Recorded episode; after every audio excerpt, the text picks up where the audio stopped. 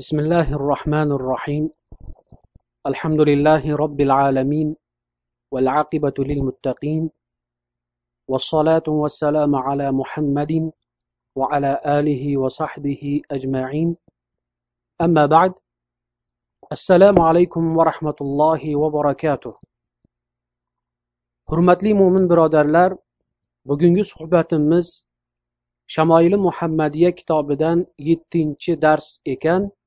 Bu darsimizni ham har galgidek qisqacha mazmuni bilan tanishib so'ng asosiy mavzuga kirishamiz inshaalloh.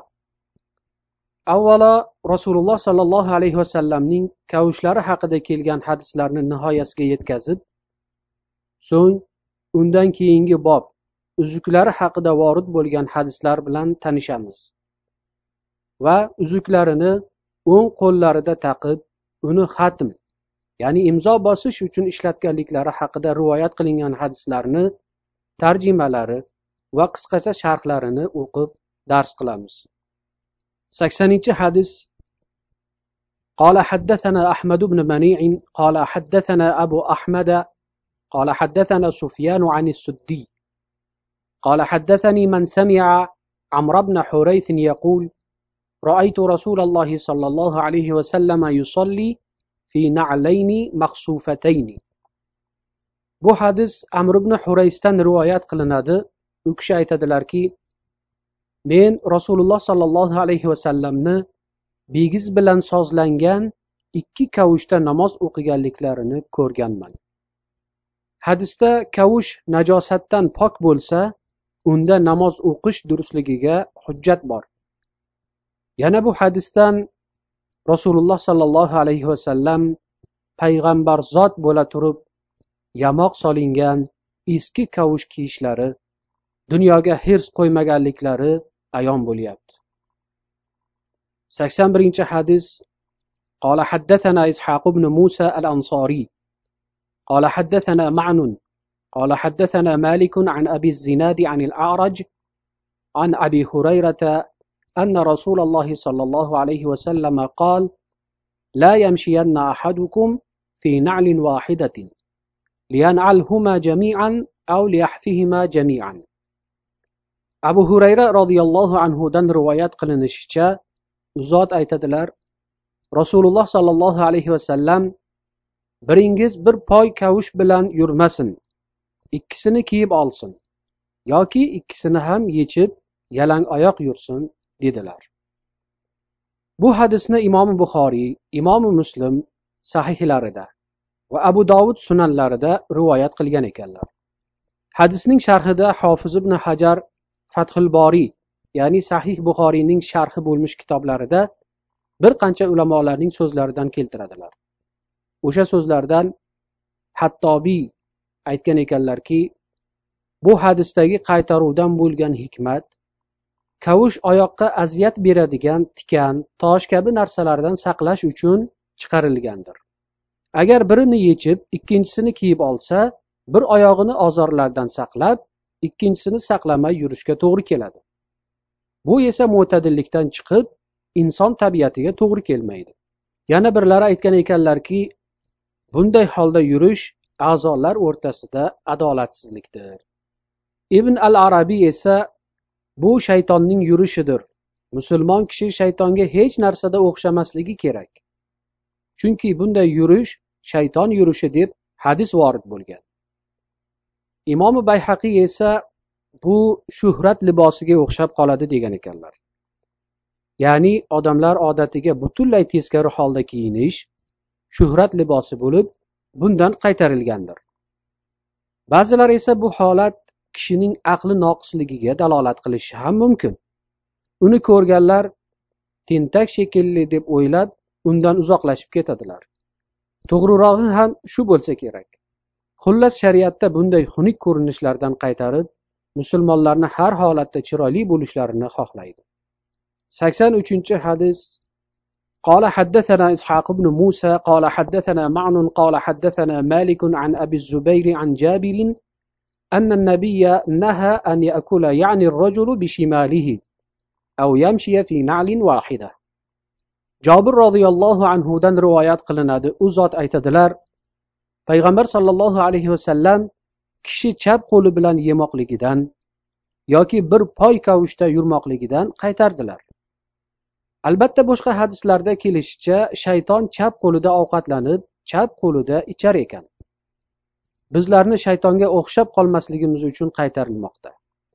va yana chap qo'l nopok ishlarga o'ng qo'l esa pokiza ishlarga ishlatish uchun tayinlangan sakson to'rtinchi hadis قال حدثنا قتيبة عن مالك قال حا وحدثنا إسحاق بن موسى قال حدثنا معن قال حدثنا مالك عن أبي الزناد عن الأعرج عن أبي هريرة أن النبي قال إذا انتعل أحدكم فليبدأ باليمين وإذا نزع فليبدأ بالشمال فلتكن اليمنى أولهما وآخرهما تنزع abu hurayra roziyallohu anhudan rivoyat qilinadi aytadilarki agar biringiz kavush kiysa o'ngdan boshlasin yechadigan bo'lsa chapdan yechsin o'ng tomon kiyishda avval yechishda esa keyin bo'lsin deb rasululloh sollallohu alayhi vasallam marhamat qilgan ekanlar. Bu hadisni ham imomi buxoriy imomi muslim va abu dovud rivoyat qilganlar. Hofiz ibn hajar buxoriyning sharhlarida bu hadisga navaviyning qilgan sharhlarini keltiradilar. Imom navoiy aytgan ekanlarki hurmat va ziynat o'rinlarida o'ngdan boshlamoqlik mustahab ya'ni sunnat. buning ziddi bo'lgan ishlarda esa chapdan boshlamoqlik sunnatdir masalan hojatxonaga kirish kavush va mahsi yechish masjiddan chiqish va istinjo ishlarida va barcha nopok ishlarda chapdan boshlashlik sunnatdir sakson beshinchi hadis qola haddathana abu musa muhammad ibn al-musanna قال حدثنا محمد بن جعفر قال حدثنا شعبة قال حدثنا أشعاث هو ابن أبي الشعثاء عن أبيه عن مسروق عن عائشة رضي الله عنها قالت كان رسول الله صلى الله عليه وسلم يحب التيمن ما استطاع في ترجله وتنعله وطهوره oysha roziyallohu anhodan rivoyat qilinishicha aytadilarki rasululloh sollallohu alayhi vasallam soch tarashlarida kavush kiyishlarida va tahoratlarida baholi qudrat o'ng tarafdan boshlashni yaxshi ko'rar edilar albatta payg'ambar ummatiman deb davo qiluvchilar ham u zotning yaxshi ko'rgan narsalarini yaxshi ko'rmoqliklari darkor aks holda quruq davo bo'lur sakson oltinchi hadis قال حدثنا محمد بن مرزوق أبو عبد الله قال حدثنا عبد الرحمن بن قيس أبو معاوية قال حدثنا هشام عن محمد عن أبي هريرة. قال كان لنعل رسول الله صلى الله عليه وسلم قبالان وأبي بكر وعمر رضي الله تعالى عنهما. وأول من عقد عقدا واحدا عثمان رضي الله تعالى عنه. abu hurayra roziyallohu anhudan rivoyat qilinadi aytadilarki rasululloh sollallohu alayhi vasallam abu bakr va umar roziyallohu anhular kavushlarining ipi ikkita edi. Birinchi bo'lib bu ipni bittaga aylantirgan kishi usmon roziyallohu taala anhudir. Lekin hadisning isnodi muhaddislarning bahslariga qaraganda juda zaif emish vallohu alam. Shu bilan bu bobdagi hadislar tugadi. Keyingi bob rasululloh sollallohu alayhi vasallamning uzuklari haqida kelgan hadislar bilan tanishamiz. sakson yettinchi hadis قال حدثنا قتيبة بن سعيد وغير واحد عن عبد الله بن وهب عن يونس عن ابن شهاب عن أنس بن مالك قال كان خاتم النبي من ورق من ورق وكان فصه حبشيا anas roziyallohu anhudan rivoyat qilinadi u zot aytadilarki rasululloh sollallohu alayhi vasallamning uzuklari kumushdan edi. Uzukning ko'zi esa habashiy bo'lgan edi. Ya'ni uning koni habashiston bo'lganligi uchun habashiy deb nomlangan. Uzukning ko'zidan maqsad kishining kimligini bildiruvchi alomatdir. U ismi yoki laqabi bo'lib uni ana shu yerga yozib qo'yiladi deydi ba'zi sharhlovchi ulamolar. Sakson sakkizinchi hadis قال حدثنا قتيبة قال حدثنا قال حدثنا أبو عوانة عن أبي بشر عن نافع عن ابن عمر أن النبي صلى الله عليه وسلم اتخذ خاتما من فضة فكان يختم به ولا يلبسه.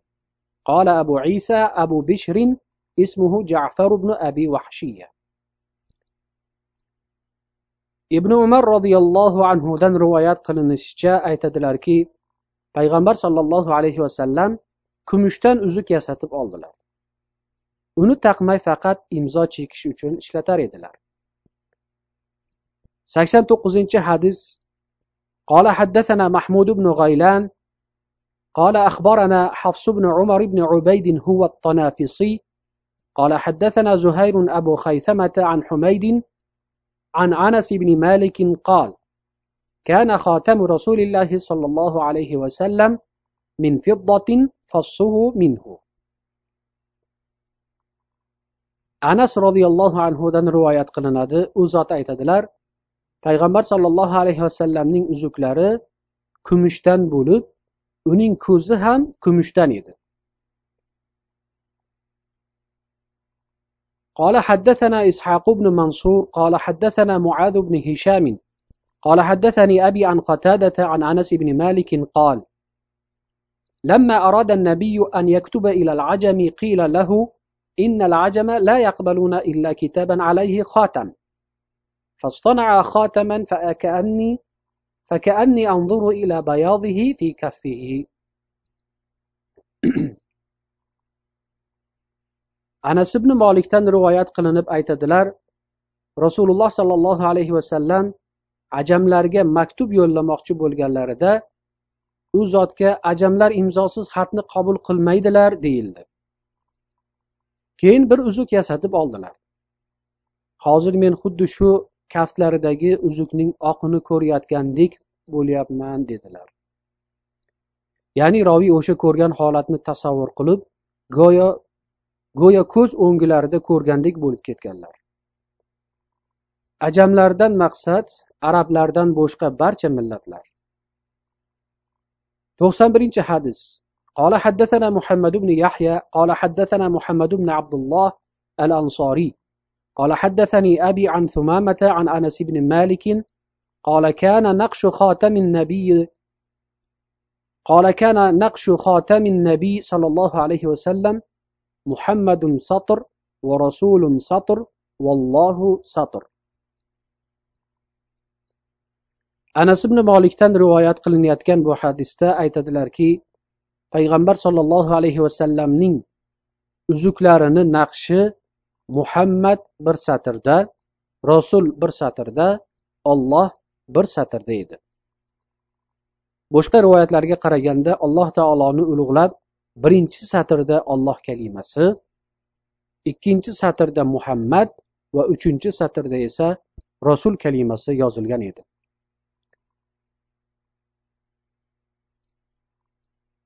to'qson ikkinchi hadis qola حدثنا نصر بن علي الجهضمي أبو عمرو قال أنبأنا نوح بن قيس عن خالد بن قيس عن قتادة عن أنس بن مالك أن النبي كتب إلى كسرى وقيصر والنجاشي.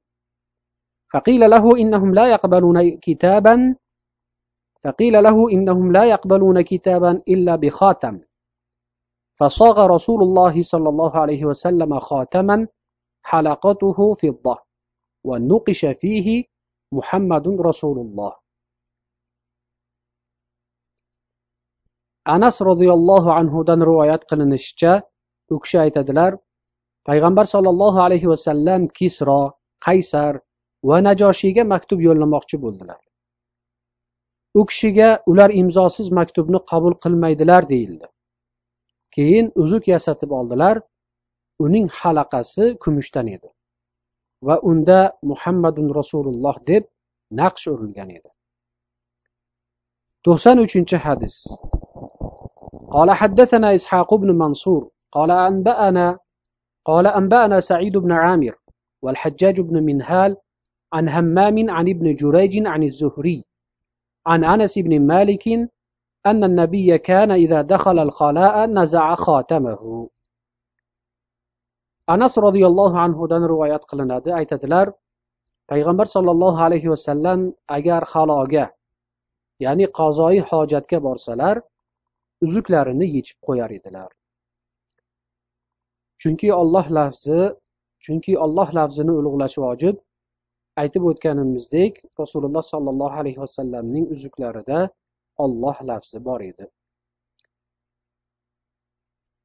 to'qson to'rtinchi hadis قال حدثنا إسحاق بن منصور قال حدثنا عبد الله بن النمير قال حدثنا عبيد الله بن عمر عن نافع عن ابن عمر قال اتخذ رسول الله صلى الله عليه وسلم خاتما من ورق فكان في يده ثم كان في يد أبي بكر ويد عمر ثم كان في يد عثمان رضي الله عنهم حتى وقع في بئر أريس نقشه محمد رسول الله. ibn umar roziyallohu anhudan rivoyat qilinadi rasululloh sollallohu alayhi vasallam kumushdan uzuk yasatib oldilar. U uzuk qo'llarida bo'ldi. U kishidan so'ng abu bakrning keyin esa umarning qo'lida bo'ldi. Usmonning qo'llarida ham bo'lib oxir nihoyat aris qudug'iga tushib ketdi. Uning muhammadu rasululloh sollallohu alayhi vasallam degan naqshi bor edi. Bu hadisdagi ba'zi muhaddislarning aytishlari bo'yicha aris qudug'i aris ismli bir yahudiyning nomiga qo'yilgan ekan. Ma'lumki madinaga yahudlardan uch qabila payg'ambar yuborilsa uni yordamchilardan bo'lamiz deb ko'chib kelishgan edi. Payg'ambar zot arablardan chiqqanligi uchun alloh taoloning qismatiga rozi bo'lmay uning elchisiga ashaddiy dushmanlardan bo'lib qoldilar. O'n uchinchi bob باب ما جاء في أن النبي صلى الله عليه وسلم كان يتختم في يمينه وفيه عشرة أحاديث o'n uchinchi bobga keldik bu bob rasululloh sollallohu alayhi vasallamning o'ng qo'llarida imzo bosishlari haqidagi hadislardir imom termiziy bu bobda o'nta hadisni rivoyat qiladilar to'qson beshinchi hadis قال حدثنا محمد بن سهل بن عسكر البغدادي وعبد الله بن عبد الرحمن قال أخبرنا يحيى بن حسان قال حدثنا سليمان بن بلال عن شريك بن عبد الله بن أبي نمر عن, عن إبراهيم بن عبد الله بن حنين عن أبيه عن علي بن أبي طالب رضي الله تعالى عنه أن النبي صلى الله عليه وسلم كان يلبس خاتمه في يمينه. ali roziyallohu anhudan ali ibn abi tolib roziyallohu anhudan rivoyat qilinadi payg'ambar sollallohu alayhi vasallam uzuklarini o'ng qo'llariga taqar edilar to'qson oltinchi hadis قال حدثنا محمد بن يحيى قال أخبرنا أحمد بن صالح قال حدثنا عبد الله بن وهب عن سليمان بن بلال عن سليمان بن بلال عن شريك بن عبد الله بن أبي نمر نحوه to'qson oltinchi hadis ham avvalgi hadisni o'zginasidir bu hadis ham xuddi avvalgi hadisning mazmunidadir shuning uchun to'qson yettinchi hadisga o'tamiz قال حدثنا أحمد بن منيع قال حدثنا يزيد بن هارون عن حماد بن سلمة قال رأيت قال رأيت ابن أبي رافع يتختم في يمينه فسألته عن ذلك. فقال رأيت عبد الله بن جعفر فقال رأيت عبد الله بن جعفر يتختم في يمينه. وقال عبد الله بن جعفر كان رسول الله صلى الله عليه وسلم يتختم في يمينه.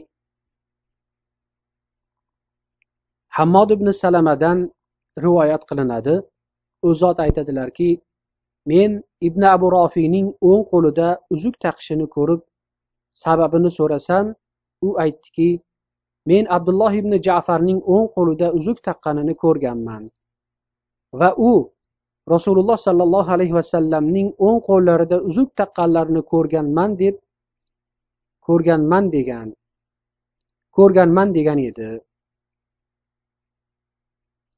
dedilar.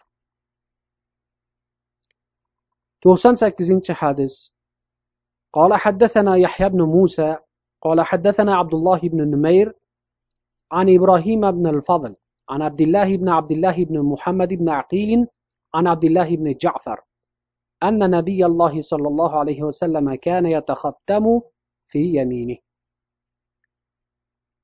عبد الله بن جعفر دان u zot aytadilarki payg'ambar sollallohu alayhi vasallam o'ng qo'llarida uzuk taqar edilar 96 حديث قال حدثنا أبو الخطاب زياد بن يحيى.